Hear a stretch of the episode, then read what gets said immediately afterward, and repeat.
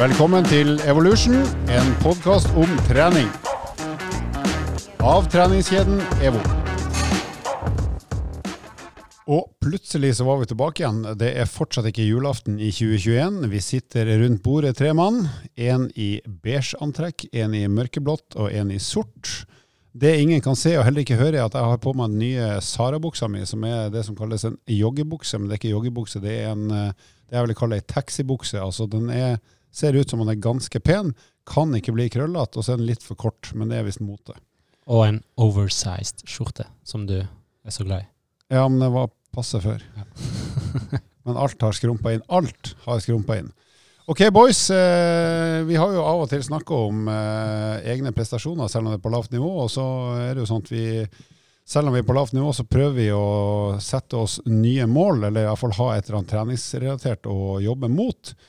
Og vi vet jo bl.a. at Lars eh, har tenkt å delta i en maraton. Har planlagt, ja.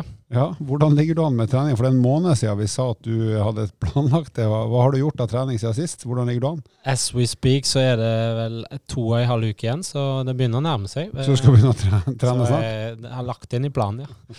Nei, jeg var For noen helger siden så var jeg faktisk oppe og testa løypa på Jessheim. Eh, Det skal visst være en ganske rask løype. Eh, Nå var det jo ikke stengt av der det skal stenges av, men eh, det som jeg observerer, er jo at det er en løype som kan være litt eksponert for vind. Så jeg håper jo den dagen Dette var jo samme dag som eh, Andreas, som vi har snakka mye om, på hytteplanmila, var løpet ute i, i Hol kommune. Eh, og da var det òg eh, samme type vind på Jessheim, så jeg fikk kjenne litt på hvordan det kan være. Eh, men det var en, som sagt en kul løype, og eh, jeg tror det kan gå ganske fort der hvis jeg finner en god pulje, og det skal jo være fartsholder her. Og da skal jeg klare målet, for det, det er jeg ganske sikker på. Eller det håper jeg i hvert fall. Hvordan er, er løypa 42 km rundløype, eller er det en tier som løpes flere ganger? eller noe sånt? Tier, eh, 10,19 er vel som løpes eh, fire ganger. Og uh, hva, har du, hva har du gjort så langt for å være beroliga i forhold til egen utvikling?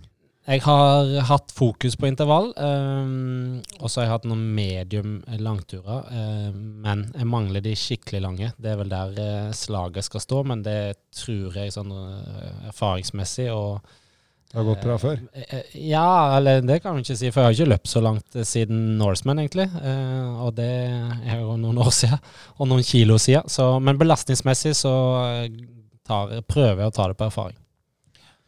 Bare sånn fra sida her, det har ingenting med Lars å gjøre, selv om det passer veldig veldig godt til Lars akkurat nå. Så min erfaring av veldig mange som skal delta i maraton, det er at de fokuserer på kort distanse. Sånn at de løper ganske fort, og så begynner de å gange opp det til eh, Med Tre eller 42 42,195 meter. Og så tenker de aha, dette blir bra. Og så eh, nærmer det seg, og hele tida tenker man at ja, jeg må ha noen langturer, og så kom aldri de langturene. og så stiller man til start, og så har man løpt sånn Ja, jeg har jo i hvert fall én tur på 25 km, og så har man liksom glemt litt at det er 17 km igjen, og de skal løpes er så vidt med- over halvveis, egentlig. Ja, og jeg, jeg kan jo hilse fra uh, passering eh, 39 km. De siste 3000 meterne, de er lange, altså. De er fryktelig lange. Og det, her, I den løypa her òg, så er det på et sted hvor ingen kan se det. Så der, eh, det er på en gangfelt mellom uh, hovedveien, gamle Trondheimsvei, og et byggefelt. Der er de siste 3000 meterne, så, så jeg veit jeg kommer til å kjenne det. Men eh, ja, jeg er helt enig. Det er de lange turene som skaper en litt bedre opplevelse, eh, selv om jeg har kanskje ikke nok kilometerbeina og ikke nok sammenhengende. Det er vel der slaget kommer til å stå. Men eh, Lars gjør én ting helt riktig, og det er at han utgir seg for å være dårligere til å løpe enn han egentlig er. Så at alle har egentlig litt lavere forventninger. Så selv om han ryker på en skikkelig smekk siste åtte-ni kilometerne, så vil jo fortsatt sluttida være bedre enn folk forventer. Altså, Folk blir jo positivt overraska over at du fullfører hvis du bare fullfører. Nettopp fordi at når du ser på deg, selv om du er pen, så ser du ikke ut som en veldig rask maratonløper. Nei, det er jeg ikke heller. Og jeg har jo løpt en del med deg, iallfall i gamle dager, og hver gang jeg sprang med deg, så visste jeg jo at du var raskere enn meg, men jeg ble alltid overraska likevel over at du var raskere enn meg. Tenker du på at Lars er en hvit mann med skjegg, som er eh, høy, og som ikke ser ut som en kenyaner? Blant annet. Og så er han ganske brei òg. Så han er jo også sterk. Jeg har hofte. Han er jo sterk både opp og ned. Du- du ville- det er jo ikke en klassisk Du ville tenkt han eh, passer bedre til tre ganger 20 minutter i Jordal Amfi. Noe sånt. Ja, faktisk. Det, det er morsom vært historie. back. Den har ikke du hørt, faktisk. Men det var kommentaren. Jeg, og, jeg løper jo med to skihoppere her inne i Son. Vi hadde ledersamling, eller samling med kontoret her, som du dessverre ikke var med på. Men jeg løper med to skihoppere, og det var Andrea Andreas Skjetne og det var Kjetil Andreas Farnerud. Felder. Og så var det Kjetil Goldberger fra Østerrike, fra Bergen. Eh, og Der kom det en kommentar fra en bil som kjørte forbi. Eh, åh, Jeg trodde jeg kjente dere igjen, for, men jeg kjente ikke, dro ikke kjensel på han ene. Han så ut som en hockeyspiller. Han har vært hockeytrener. Og det var, det var meg, da, i tights i midten der. Så ut som jeg var dørvakt for disse to her superstjernene. Men, med eh. Ja, hva tror du du ender opp på sluttid? Hvis, du- hvis det går som du har planlagt da, med treninga og gjennomføringa, hva tipper du tida blir? Og, litt- og sånn grei vind. Ja, grei vind, og det ikke er for kaldt. Og så er det jo 14. november, så det kan jo potensielt være snø, bla, bla, bla. Men eh, det skal ikke stoppe oss fra løpet. Men eh, optimale forhold, så håper jeg eh, Jeg legger Jeg sier 3.14,37. Ok, og da, I og med at vi har som eh, tradisjon å tippe eh, tida til den som skal i ilden, eh, hva tror du han ender opp på, Andreas? Ja, det er, det er 4,36 på kilometeren eller noe sånt. Ikke det? Jeg tror det ligger ca. der å løpe under 3,15. Det har Lars i seg. Eh, spørsmålet er jo bare hvor frista han er til at det skal bli 3,08 underveis. For problemet er jo at 3,08, som er en mye bedre tid, er jo fortsatt fryktelig små, få minutter når man går på en smekk. Ja. Det er jo som når jeg løp eh, under tre timer, så løper jeg jo regna på når kan jeg begynne å gå. Og det er jo når du begynner å se mål, at du kan begynne å gå. Så nei, ja, 3-14 Jeg tror jo eh, Lars hvis han, han er jo flink til å Han er tålmodig, da. Det er jo det som er. Så 3-12 Han venter det lengste med å begynne å trene. Ja, 3-12 blank, tror jeg. For å ikke sette for høye forventninger. Jeg tror ikke han kommer til å få inn de langturene han vet han skal ha. Så jeg tror han ender på 3.21,29. Takk. 3.21,29. Nå sendte jeg den skolebollen jeg hadde fått inn, den eh, sender jeg over bordet til eh, Han som trenger det mest. Ja. Jeg mener jo at du bør være god for under 3.16, for det, det er en halvtime bak meg. Det må jo Der er du. Herregud, du løper jo fort på intervallene. Vi får se. Vi får se. Vi får se. Eh, hva med deg. Andreas? Du har jo sagt fra at du skal uh, prøve å løpe maraton i et av mine favorittland, nemlig Deutschland.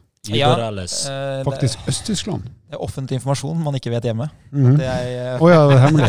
jeg, har jo, Det er lenge til. jeg har meldt meg i lotteriet, som det heter. Eh, Det er jo sånn at eh, Berlin Marathon er det stedet hvor det løpes raskest. Eh, Om det er verdens raskeste løype, det er nok ikke helt sikkert. Men det er de som til vanlig har stilt med mest cash og best opplegg, som gjør at de beste løperne setter verdensrekord der. Det går en, en tre-fire maraton hvert år som er ekstremt raske. Um, folkets maraton, som er liksom det stedet hvor flest vanlige mennesker perser, er jo i Rotterdam. Så, så det kunne jo også vært et aktuelt uh, greie, men uh, Berlin er liksom Det er drømmen, da. Så Det ligger og høres jo litt motivasjonsmessig kulere ut å springe i Berlin. Så er det jo en av de Altså Hovedstaden i Tyskland er jo råere enn Rotterdam. Det er jo en havneby i et lite tulleland som Nederland. Det er nemlig seks store. ikke Ja, det er det. Så nei, jeg har eh, da meldt meg eh, til eh, et lotteri, for det er jo selvfølgelig da altfor mange som ønsker Hvis ikke jeg husker feil, noen av de maratonene har sånn I London så tror jeg det var 30 000 startplasser og 155 000 som prøvde å komme med. Og jeg vil jo anta at Berlin sikkert er enda mer populært. Men hvis man kommer med, så får man vite det i desember. Eh, Som gjør at da har man veldig god tid til å trene, og det, det blir ofte det som blir målet, fordi det òg er vanskelig å få tak i billett. Da har du veldig god tid til å fortelle de hjemme at du skal en tur til Tyskland på høsten. Ja, det er september, er det ikke? Jo, så da kan jeg jo tenke et halvt år på hvordan jeg skal legge det fram. Og så utsetter jeg en dag til og en dag til og en dag til. Ja, jeg, eh, for å si det sånn, eh, da er jeg jo villig til å fly ned og opp samme dag. Kanskje ikke ned samme dag, men Jeg, jeg tror faktisk vi skal ha en jobbrelatert tur til Tyskland i september uansett. Jeg har et forslag til, da, faktisk. Og det kommer allerede i april. For Da er det Berlin halvmaraton. Så vi kan ned og teste løypa. Det er jo en god anledning for de hjemme til å sjekke hvordan det er for deg å være borte et døgn. Ja, For da blir du ikke borte så lenge heller, Nei. siden det er halvmaraton. Nei, ikke sant. Det er bare halve tida. All right. Eh, ryktene sa at du hadde meldt deg inn i et nasjonalsosialistisk parti for å få større lotterimuligheter. Stemmer det, eller er bare ljug? Jeg tror jo faktisk at det er mulig å få startplass hvis du velger. Og, altså, det fins parti i Tyskland som fortsatt er høyt rangert. Da må du løpe i brunt. løpe i brunt. Det er bra. Da skal vi straks over til et tema.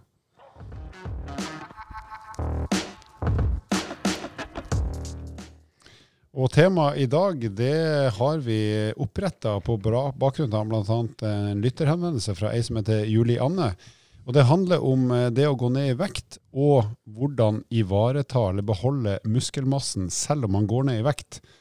Eh, og veldig grovt fortalt så kan man si at de aller fleste som går ned i vekt, mister også muskelmasse. Det er liksom den vanligste måten å redusere vekt på. Du mister fettmasse og muskelmasse. Hvor mye av hver det avhenger litt av hvordan du gjør det på.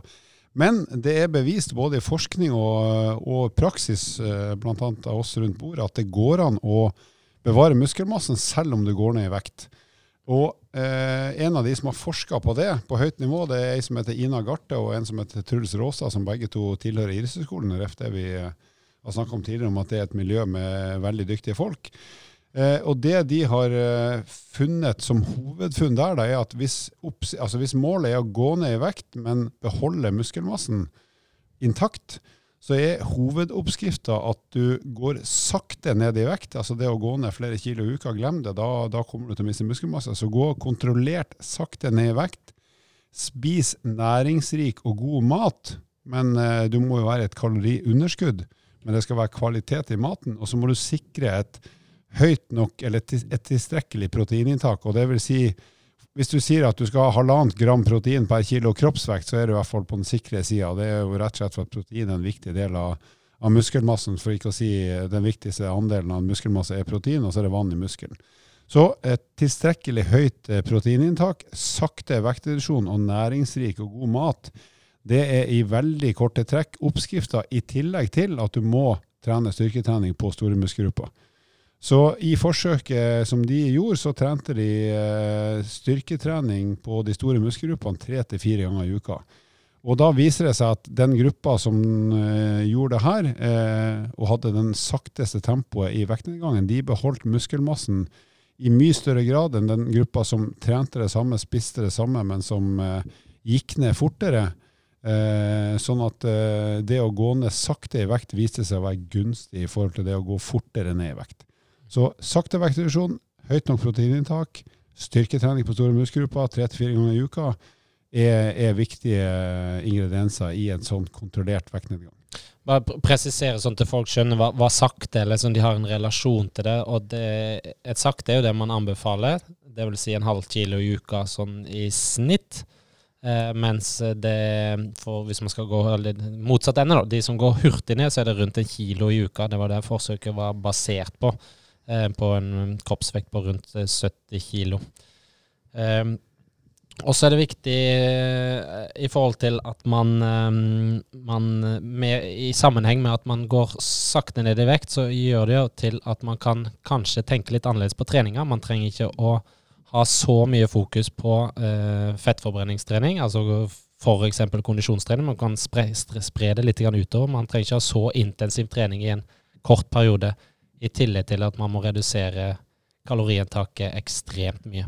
Så hvis man da tenker, hvis vi nå skal, for de altså, lytterne som tenker at ok, jeg skal kanskje ned i vekt noen kilo, for det kan være helsemessig smart eller andre årsaker, eh, og så har jeg lyst til å prøve å bevare muskelmassen så godt som mulig, så skjønner jeg ut fra det vi sier nå, og det som er forska på, at jeg må trene styrketrening to til tre ganger i uka, og da må jeg trene store muskelgrupper. Jeg må selvfølgelig ha et kaloriunderskudd.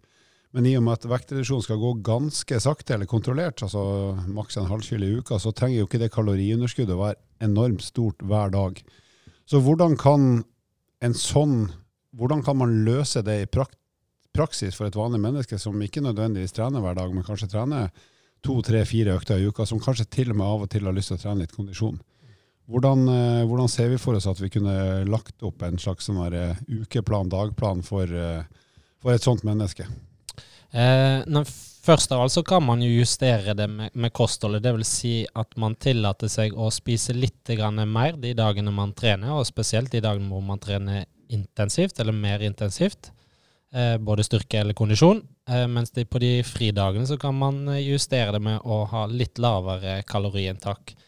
Så, Så du har egentlig en sånn treningsdag og hviledag eh, kostholdsopplegg, Ja, litt sånn i- banalt sagt. I prinsippet, ja. Så, så ender man jo opp i underskudd eh, med begge formlene, men man eh, da tillater seg å måte holde nok protein, dvs. Si våre byggesteiner, når man trener styrke og trener litt mer intensivt, som ikke man spiser opp for mye av muskulaturen. Mens man på de dagene man hviler, eh, har et fokus på høyt eh, inntak av protein, men litt lavere kaloriinntak totalt sett. Og hvis vi da går over på konkret styrketrening, da, hvordan kan man ha styr hvordan kan styrketreninga se ut hvis man trener det minst to ganger i uka, kanskje til og med tre, og for å ivareta de store muskelgruppene? Ja, Det, det som ofte er liksom vanskelig, er jo at um, kroppen består av så mange muskler at det er jo det er vanskelig å få trent hele kroppen. Altså Man sier jo gjerne at man har en fullkroppsøkt, men det er jo strengt tatt de store muskelgruppene man, eh, man trener. Det er jo veldig sjelden at man trener alle musklene i hele kroppen, for da hadde det blitt en fryktelig lang treningsøkt. Så det det handler om i stor grad, er jo at man sørger for at man har nok belastning til at man opprettholder den muskelmassen man har. Og da er det jo veldig smart å velge eh, type helkroppstrening for å involvere alle musklene. For hvis du ikke involverer alle musklene, så får du jo egentlig fri. Altså De får ikke den belastninga som gjør at de trengs, som gjør at de vil bli mindre på sikt. For muskler i seg selv er jo en kostnad for kroppen som kroppen i utgangspunktet ikke ønsker å ha. Men fordi vi hele tida gjør oppgaver som krever den styrken, så må kroppen bevare musklene og betale da energi for å opprettholde det. Så da tror jeg jeg ville ha valgt liksom sånn helt kynisk. Jeg ville bare sett hva, hvilke øvelser er som trener de store muskelgruppene. Og da har man jo gjerne kanskje noe som heter baseøvelser. Hvis man er vant til det, så ville jeg valgt det. Det er jo type sånn eh, knebøy, eh, markløft, benkpress. Men hvis man ikke har brukt det, så ville jeg kanskje gått litt kynisk til verks og brukt apparater som òg trener mye. Jeg ville i hvert fall hatt med eh, et type apparat eller en øvelse som trener bein, gjerne sånn beinpress. For da kan du ha veldig høy motstand, som gir godt grunnlag for å bevare muskelmassen. Beinpress er jo som en knebøy, bare et apparat med en stolrygg, så du slipper å bli skada. Ja, ikke sant? Så Det man egentlig kan gjøre, da, hvis man ikke har veldig god peiling, det er å se hvor er det jeg egentlig klarer å ha høyest ytre belastning. Altså Hvor er det jeg har mest vekt i tillegg til kroppsvekt. Og det, og det er det man ønsker å oppnå. Eh, Men så er det veldig smart å, å, å velge sånn type én pressøvelse, én trekkøvelse, én beinøvelse. Og så kan man heller da, når man har valgt én av hver av de tre, så kan man si da tar jeg enda en presstrekk og beinøvelse. Så at man får litt å bygge på. Og da handler det egentlig bare om hvor mye tid du har, og hvor mye treningserfaring du har. Altså det han Truls Råsa, som er en av forskerne, sier som en typisk sånn her eh, øvelser, det er jo da i tråd med det du sier, Andreas. F.eks. knebøy, markløft, benkpress eller brystpress, altså for å ha en pressøvelse på overkropp. Og så er det en roøvelse, som er en trekkøvelse på overkropp. Og så kanskje skulderpress, som er en eh, pressøvelse. Men da får du egentlig dekka basically de store muskelgruppene. Eh, og dermed tatt vare på mest mulig av muskelmassen, men du må trene så hardt at du faktisk eh, ivaretar muskelmassen. Så da må den belastninga være ganske tung. Så litt enkelt sagt, hvis belastningen er så tung at du klarer ca. åtte repetisjoner før du må ha pause, så treffer du ganske bra. Seks, åtte, ti repetisjoner, men da skal de være så tunge at du trenger pausen. Mm. Eh, og så har vi et punkt til. Hvis du også vil trene kondistrening, for det er jo sånn at en del vil bruke kondisjonstrening som et virkemiddel for å gå ned i vekt, eller at man rett og slett har lyst til å opprettholde en ganske god form. Eh, og da er det jo sånn at eh, hvis du løper, så er jo det ganske belastende for muskulaturen i seg sjøl. For et løpesteg eh, er ganske brutalt i forhold til at du treffer bakken med kroppsvekt og fart. Så det er i utgangspunktet litt slit, slitsomt for muskulaturen. da. Det tar litt tid å restituere. Så hvis du er veldig primært opptatt av å gå, ned i vekt, men trener kondis uten å det redusere muskelmassen i det hele tatt, så ville jeg tenkt ikke kroppsbærende aktivitet. Altså sykling, romaskin eller ellipsemaskin som, eller stakemaskin, der du kan trene relativt intensivt uten at du får den støtbelastninga som vil påvirke styrketreninga litt, og også restitusjonen av muskelmasse. Hvis det primære målet ditt er, er å unngå å ødelegge muskulaturen sånn eh, treningsmessig. For den, den ødeleggelsen får du jo uansett eh, som styrketrening når den bygger seg opp igjen etterpå. Så det å eh, trene skånsom en kondisjonstrening kan være en idé. Eventuelt løpe i veldig bratt motbakke. Da kan du jo løpe med mindre belastning, men likevel få løpt. Ja, ellers er jo alternativet det motsatte, at du har trent en del tidligere, som gjør at det kanskje kan være smart å velge vektbærende aktivitet, f.eks. løping. For da får du jo eh, en ekstra belastning på beinmuskulaturen som gjør at du definitivt ikke går ned i muskelmasse. Men det, det handler jo om at da, da må du tåle det. Hvis ikke så ender det jo bare opp med at det verken blir bra i styrketreninga eller kondisjonstreninga på sikt. Da. Ja, så testen der blir, hvis, hvis du velger å løpe, som jo absolutt ikke er noe dårlig alternativ, hvis da må du Hvis det ikke går utover styrketreninga di, så går det fint. Og hvis det går utover styrketreninga di, så er det kanskje lurt å velge en ikke vektbarende eh, kondisjonsaktivitet hvis du skal gjøre det parallelt med vektnedgangen. Ja, og så er det sånn, Nå snakker vi jo veldig mye om hvordan, som, eh, som, jeg egentlig er veldig fan av. For det er jo det som på en måte gjør at det er verdt å lytte til podkasten. Det er jo at man kan gå hjem eh, eller da gå på trening da, og prøve de tingene. Men når man snakker om hvorfor, som egentlig er noe de aller fleste vet, men hvis vi snakker om akkurat hvorfor man skal velge eh, fysisk aktivitet når man skal ned i vekt, da, som det eksempelet her eh, innebærer, så er det jo sånn at ja, det hadde jo vært lettere å bare fokusere på én ting. Enten så skal jeg fokusere på å komme i bedre form med den vekta jeg har, eller så skal jeg fokusere på å gå ned i vekt uten å drive på med den styrketreninga og, og løpetreninga eller kondisjonstreninga samtidig. Og ja, det hadde jo vært veldig effektivt for kroppsvekta å bare fokusere på å spise mindre. Men grunnen til at det er veldig smart å tenke eh, rundt de tingene vi snakker om her, da, det er jo at for hver eneste uke som går, hvor du da går ned i vekt, men kanskje litt mindre ned på badevekta hjemme fordi du opprettholder muskelmasse, så vil du jo på sikt være kapabel til å bruke mer energi, som gjør at du kan spise litt mer av de tingene du har lyst til. Så som på sikt så er det jo et mye mer bærekraftig liv å være i bedre fysisk form. For det gir mulighet til å kose seg mer, rett og slett. Ja, og mulighet ikke minst til å bruke kroppen til noe mer enn å sitte stille, som jo er det vi håper de fleste blir motivert av. Og så er det bare for å trekke inn igjen den poenget som er viktig her, det er jo at man tar det langsomt. Eh, fordi i andre enden, hvis man reduserer kaloriinntaket for mye i en startfase eller underveis òg, så vil det på sikt gå utover treningsresultatene og den fremgangen du vil ha, f.eks. kondisjonsmessig, hvis det er løping eller andre eh, kondisjonsformer som, eh, som, er hovedmålet, og for så vidt òg i forhold til styrketrener. Så da er du inne i en ond sirkel, eh, og det drar oss jo litt inn på temaet eller spørsmålet fra, fra Juliane, var det? Ja. Hvor hun spesifikt spør hvordan kan jeg få det til uten å gå for mye ned. Hva er det jeg skal gjøre for å beholde muskelmassen, gå ned litt i vekt, så man kanskje får et annet resultat når det kommer til løping. Mm. Eh, så vær liksom obs på at de reduserer man for fort, så man må tenke litt mer langsiktig. Eller så vil det på et eller annet tidspunkt stoppe litt opp. Du vil ikke få den fremgangen du vil ha, eller potensielt kan ha. Og det vil være fysisk veldig tungt, men òg mentalt tungt, fordi resultatene kommer ikke. Og man legger ned den enorme innsatsen som man for så vidt, eller for, forhåpentligvis gjør. Så har vi det her med proteininntak. da. Eh, vi eter jo flere ganger om dag, heldigvis, og det må vi for å holde oss i live. Men hvordan kan vi sikre et proteininntak? Så noen veldig enkle regler for å tenke, i hvert fall gå gjennom kostholdet sitt og tenke hva slags matvarer er det som gir meg protein, så kan vi si at generelt kjøtt og fisk er jo gode proteinkilder. Det er sånn rundt 20-25 gram eh, protein per kilo eh, eh, per 100 gram kjøtt eller fisk. Og så har vi meieriprodukter. Det kan være yoghurt, det kan være melk. Eh, ost for så vidt òg. Eh, inneholder ganske mye protein.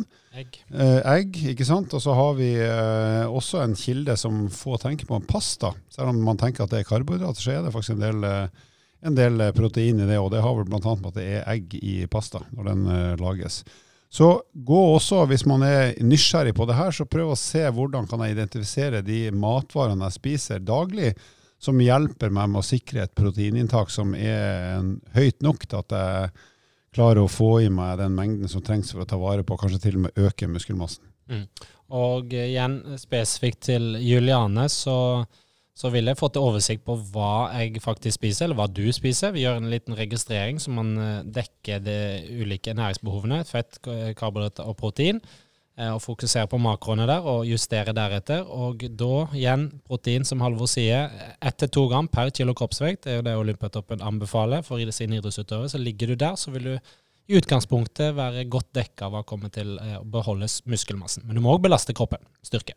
Yes, Da håper vi dere har fått noen praktiske tips for de som ønsker det. Altså Gå, gå sakte og kontrollert ned i vekt, spis nok protein. Eh, tren hardt nok, sånn at eh, muskelmassen får den stimulansen den trenger. Og trene styrketrening to til tre ganger i uka, store muskelgrupper, så er det mulig.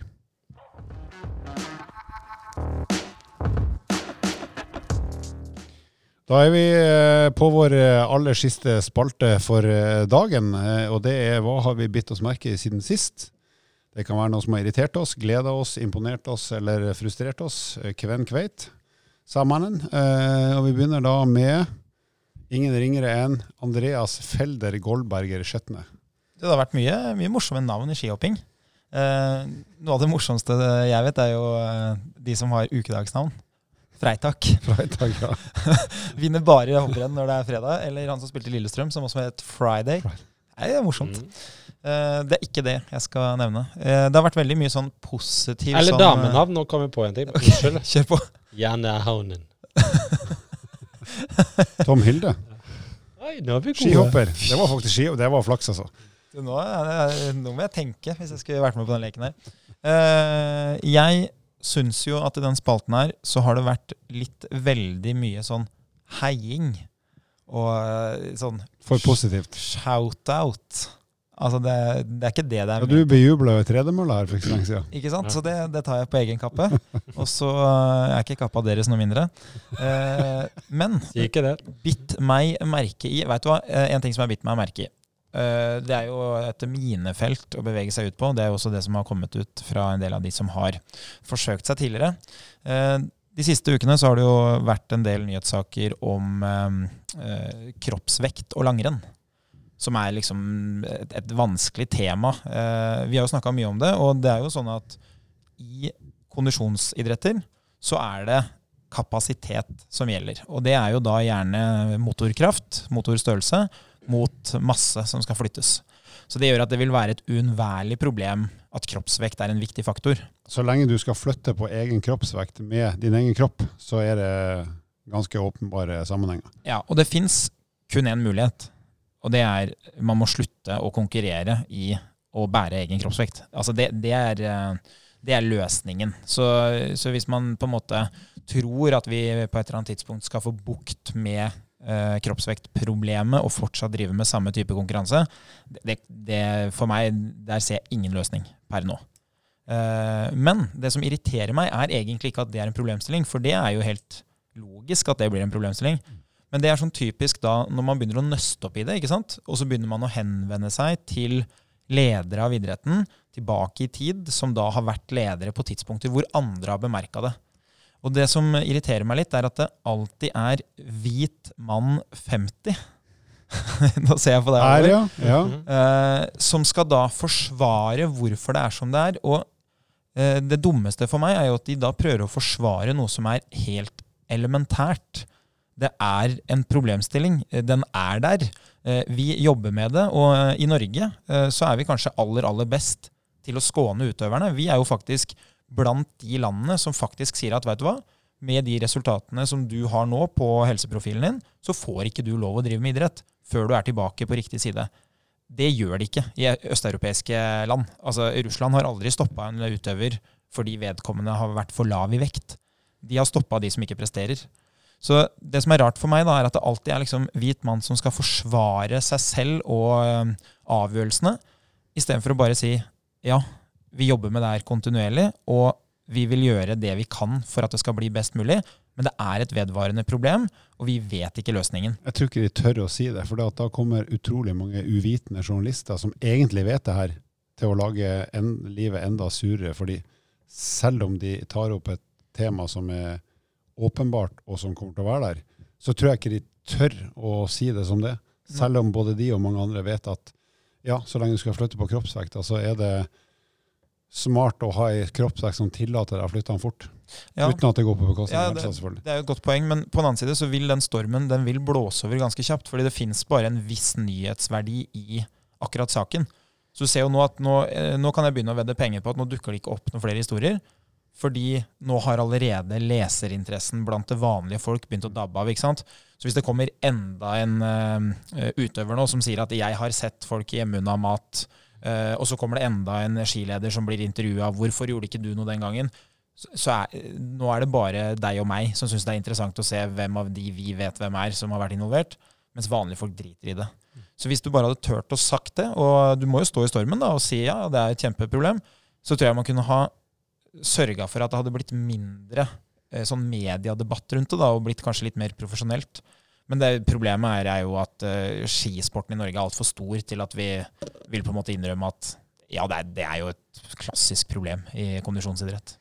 Ja, altså I kjølvannet det, da, det er ikke helt samme problematikk, men hvis du ser på hvordan en del andre idrettsutøvere går fort ned i vekt, f.eks. For, for at de har, altså Vektklassesport generelt er jo også øh, sånn sett diskutabelt. Altså Er det helsemessig bra? Er det, er det greit å holde på med sånne ting? Det aksepterer vi uten problem.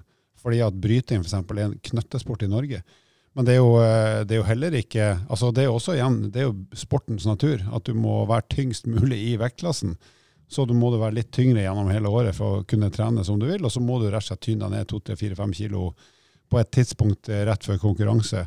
Men det også er jo heftig, tøff, mental, fysisk påkjenning, både det å måtte komme ned i konkurransevekt og egentlig hele sporten. Men det blir ikke diskutert så lenge den sporten er så liten. Eh, mens den åpenbare sporten vi snakker om i Norge, er jo langrenn og for så vidt litt skihopping i det siste òg. Men, men, tematikken gjelder jo nesten all mulig idrett. For på et eller annet tidspunkt du skal velge å prøve å bli best i verden eller i Norge, så, så er det som regel at du balanserer på en knivsegg som av og til går feil vei, som er utrolig eh, utrivelig og helst ikke ønskelig, men allikevel det er jo ulempen med å prøve å bli best mulig. Så hvis man da skal ned til de sportene som ikke er påvirka av det her, som da har uh, psykologisk uh, stress involvert, men ikke det fysiologiske presset, så ville man kanskje ha tenkt at eh, det som vi har snakka om tidligere, da, curling f.eks. Og dart. Ja, fordi der kan du trene det som er helsemessig fornuftig, uten at det vil i stor grad påvirke prestasjonen. Så det er veldig få idretter som egentlig ikke er involvert i et sånn typisk eh, fysisk press. Da. Eh, noen idretter har jo ikke vektproblemet, men de har jo et annet problem, og det er jo som regel at treningsmengden er vanvittig. ikke sant? fordi at alle andre som utøver samme sport, gjør det. Så du må på det nivået for å få lov å være god. Mm. Nå snakker vi mye om baksiden av medaljen. Vi har òg egentlig en fremside her, og det er jo at i den aktuelle idretten langrenn, så er det et helseapparat som òg nå setter litt andre krav. Eh, derav er noen av utøverne plukka ut og nekta trening og start De kan ikke nekte inn trening, men i hvert fall nekte dem å være fellestrening med landslaget og konkurranse fordi de ikke innfrir de helsemessige kravene som de setter. Så det, det skjedde en endring, men eh, dette er jo da eh, historiske begivenheter for hva fokuset var tilbake til. Eller Så du, du, vil rett og slett ha idrettsledere som tør å si at ja, det her er vanskelig, og av og til bommer vi. Men vi hjelper, hjelper utøverne så godt vi kan, og blir stadig bedre. og Da får vi håpe at det er riktig. Ja, for de kan, for de kan stå mm. rakrygga basert på alle andre konkurrenter. Så sånn sett så trenger vi ikke å gjemme oss fordi om det er et stort problem, for det problemet er jo gitt i idrettens natur, på en måte. Mm. Jeg skal uh, ta et uh, tilbakeblikk i min uh, Det jeg har begynt meg merke i, det er en, en artist, en visesanger eller dansesbandsanger, hva kaller du det vil. Halvdan Sivertsen. Nei, skal til Bodø. kunne jeg skal ikke til Bodø igjen. Håkon Banken. Jeg tipper nesten ingen har hørt om han. Håkon Banken. Han er født og oppvokst på Flisa, som er på Hedmarken, eller på Solør, da, egentlig i Hedmarken. Og han, han, har jeg hørt om uten å ha hørt musikken hans da jeg var guttunge. Men han, han spilte egen musikk på 70- og 80-tallet uten å bli promotert verken på TV eller i aviser eller noe som helst. Men han har solgt over 500 000 plater og kassetter, for det var det man solgte i gamle dager nesten helt ukjent, men folk på bygda i Norge har altså kjøpt musikken hans i 10-15 år. og Det går en eh, podkastserie med han som heter 'Balladen om Håkon Banken' på eh, NRK-podkasten. Og Den er helt fascinerende, for at, eh, da skjønner du at det, det, har vært en del både skjebner, eh, kunstneriske skjebner, for han har hatt et ganske eh, heftig liv, eh, men samtidig vært totalt ukjent, og likevel en av de som har solgt mest musikk i norgeshistorien. Sånn en morsom fun fact om musikk, da, helt fram til sånn for ti års tid siden, når streaming tok helt over, så var jo country var jo alltid mest solgt i Norge. By far. Og det er veldig rart, fordi hvis du bor i Oslo f.eks., så kjenner du jo veldig få som hører på det. Men hvis du ser på salgslistene, så er det, det er liksom det er det største. Og det er det i USA òg. De som vinner eh, country awards, har jo ekstremt mye større sannsynlighet for å vinne eh, hva heter det for, Grammy etterpå. da. Fordi at de allerede er så populære hos en så stor andel amerikanere at de er, de er allerede segmentert ut som det folk liker. Altså VG-lista, som i hvert fall før var det som definerte hvem selger mest i Norge, de hadde, ut, tok ut en del kategorier, altså type Sputnik, som lager danseband eller visesang. kan godt kalle det banalt, men han solgte jo mye mer enn de som var på VG-lista når han var på det høyeste. Men han, han fikk ikke være med der, for han drev med feil musikk.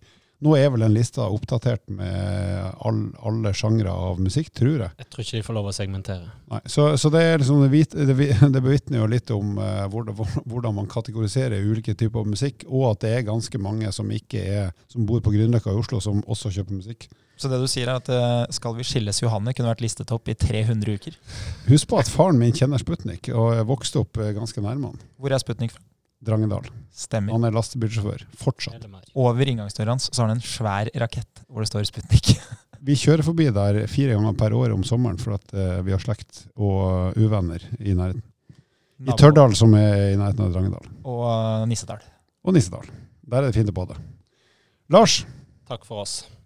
det var ditt ja, bidrag? Det var mitt bidrag. Det var Sputnik. Nei, du, jeg, jeg skulle gjerne snakke om at Liverpool er verdens beste fotballag og slo United litt for masse her om dagen, men eh, det jeg har observert i det siste, er kort historie, og det er Jeg er fantastisk fascinert over hundeførere med hunder som enten lukter sedler, altså penger, narkotika osv. Det, det yrket der det, For det første skulle jeg gjerne vært en av de, for det ser ekstremt spennende ut fordi jeg er interessert i hunder. Men det å lære de opp, trene de opp til å ja, lukter døde mennesker, lukter ja, penger, narkotika osv. Ting rundt om eh, på grensene våre for flyplasser og ellers Du er glad i å lukte på folk, er det det du sier? Ja, det mm. Det er min Det er jeg fascinert av i det siste. Hund i skiløypa. Ikke bra. Altså, Det er helt greit for meg å gå tur i skiløypa. Vet du, Jeg er faktisk ikke blant de som hater det, men kanskje ikke gå i sporet da der man går diagonalt. Og ikke med bånd. Men ikke med bånd. Mm. Det er det som er problemet. Det er helt fair at du må gå med bånd, men da kan ikke du gå på ene sida og bikkja på andre sida. Fordi det er helt umulig for en som kommer i 30 km i timen. Og, og jeg pleier å ta på en måte eh, hensyn til de som går saktere enn meg, de som ikke har gått i skiløypa før. Men, Løype, løype! men akkurat de som går med bånd, eh, og gjerne da ikke én meter med bånd, men en syv-åtte meter med bånd, det er livsfarlig. Altså, Jeg mener jo oppriktig, etter å ha gått mye på ski i Oslo, at du burde ha dommere og linjedommere i skiløypenettet for å rett og slett utdele gule og røde kort til slikt personell og hundene deres. For det er jo galskap. Kan ikke du starte det? Altså Det er jo dummere enn å ha med seg ungen i barnevogn og stå på tvers av E6-en. Du gjør jo ikke det. Du vet jo at det går gærent. Jeg ble litt irritert òg til slutt. Men eh, folkens, Håkon Banken, søk han opp. Hør på musikken, nyt livet. Vil du vite mer om trening? Abonner på podkasten og sjekk ut vårt treningsmagasin på evo.no.